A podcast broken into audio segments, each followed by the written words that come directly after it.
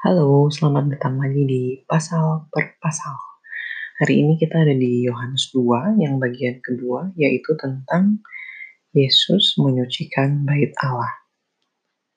Ini adalah salah satu cerita atau mungkin satu-satunya cerita di mana Yesus marah di bait Allah. Kenapa Yesus marah? Yuk kita masuk ke ceritanya. Jadi saat itu lagi perayaan Paskah di Israel dan orang-orang Yahudi itu ketika hari Paskah akan berkumpul di Yerusalem untuk menjalankan tradisi perayaan keluarnya bangsa Yahudi dari Mesir. Nah, di ritual keagamaan mereka itu, di acara ini mereka harus mempersembahkan kurban bakaran atau uang menurut kemampuannya masing-masing. Jadi Yerusalem itu kota, lalu orang-orang dari kota-kota lain akan datang ke Yerusalem. Karena memang aturannya mereka hanya bisa merayakan Paskah di Bait Allah yang ada di Yerusalem. Dan di masa itu belum ada mobil, belum ada alat-alat yang bisa membantu mereka atau memudahkan mereka untuk membawa binatang kurban. Jadi biasanya orang-orang akan belanja di tengah jalan atau mereka akan bawa uang. Nah, tapi uangnya itu juga harus standar, harus ada standar yang ditetapkan oleh petinggi-petinggi bait Allah. Jadi nggak bisa semua uang digunakan untuk melakukan persembahan. Jadi pada akhirnya mereka harus melakukan tukar uang atau money change, di money changer gitu. Nah,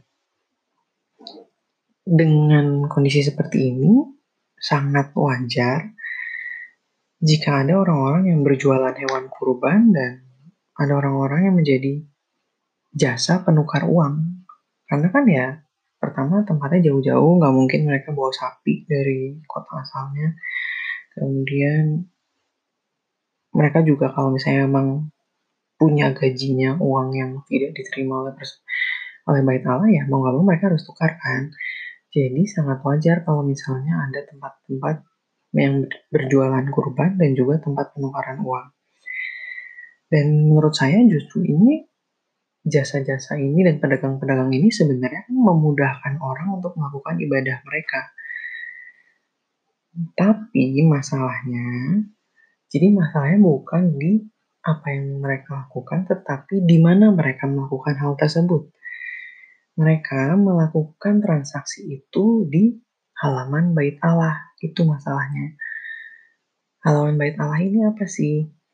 Kalau kita baca-baca cari literatur, halaman bait Allah ini disebut dengan courtyard of Gentiles. Apa sih itu? Kalau bisa saya mau bahasa Indonesia kan, itu adalah halaman tempat di mana orang-orang kafir atau non-Yahudi boleh ikut beribadah atau bertanya-tanya tentang Allah. Itu tuh satu-satunya tempat di mana orang non-Yahudi boleh ada di bait Allah. Karena kalau di bait Allah zaman dulu itu ada tempat-tempat khusus dan orang-orang yang boleh masuk ke bait Allah itu hanya orang Yahudi. Orang non-Yahudi tetap boleh ikut ibadah tapi di luar di halaman itu. Hal ini yang saya rasa dan saya yakini membuat Yesus sedih. Karena Yesus itu selama masa pelayanannya kan selalu berfokus untuk membuat orang mau dekat pada Tuhan, pada Allah. Jadi Tuhan itu selalu ngajak orang-orang untuk ayo dekat sama Tuhan, datang sama Tuhan.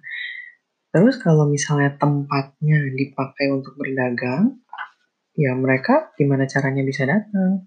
Karena kan tempatnya udah penuh. Hal ini yang membuat Yesus marah. Jadi kadang-kadang orang membaca kisah kisah ini lalu menyimpulkan bahwa berjualan di gereja itu salah. Sebenarnya menurut saya ini bukan perkara boleh atau tidak boleh berjualan di gereja, tapi apakah yang kita lakukan di gereja mendekatkan orang lain pada Tuhan atau tidak?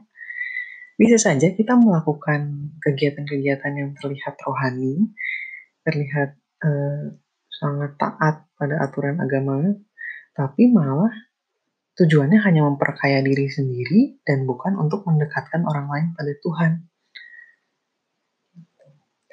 Nah, kalau kita lihat juga di ayat yang ke-15, amarah Yesus ini tuh bukan amarah yang impulsif yang dia lihat marah tuh langsung gebrak-gebrak meja nggak kayak gitu. Di ayat 15 dikatakan bahwa Tuhan Yesus membuat cambuk. Dia nggak asal main tali, tapi dia duduk dulu bikin cambuk. Artinya dan artinya Yesus tuh punya waktu yang cukup untuk menenangkan diri. Kalau kita sebagai manusia, kita kan suka marah. Biasanya kita take time, ambil waktu untuk tarik nafas, mengalihkan pikiran untuk supaya nggak marah-marah lagi.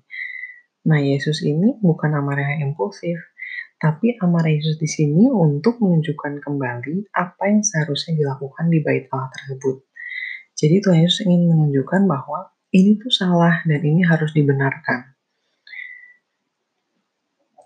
Jadi bukan asal marah-marah, tapi benar-benar Tuhan Yesus memikirkan bagaimana cara aku menunjukkan kembali otoritas Tuhan di tempat yang seharusnya hanya Tuhan dipermuliakan. Nah, lalu kalau dipikir lebih lanjut, siapa sih yang mengizinkan hal ini bisa terjadi di bait Allah?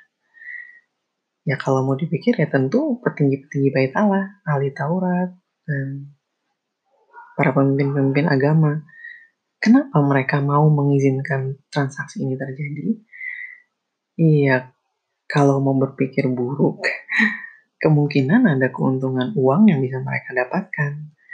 Dan karena Tuhan Yesus sudah marah di situ, akhirnya ya bisnis mereka terganggu kan. Akhirnya pendapatan mereka pun berkurang dan akhirnya mereka marah dan kejadian ini tuh dipercaya sebagai titik awal yang di mana para ahli Taurat dan pemimpin agama mulai berpikir untuk membunuh Yesus. Jadi bukan hanya sekedar benci lagi doang, tapi udah mulai pengen, udah Tuhan Yesus mati aja deh. Gitu.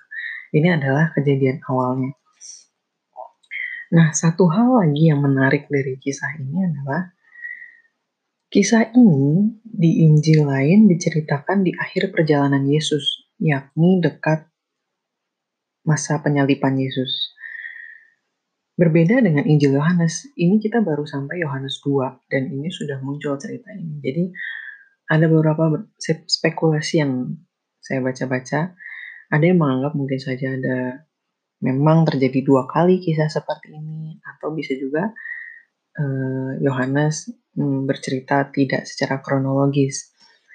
Nah, yang bisa saya terima adalah mungkin memang Yohanes ingin menonjolkan sisi teologisnya.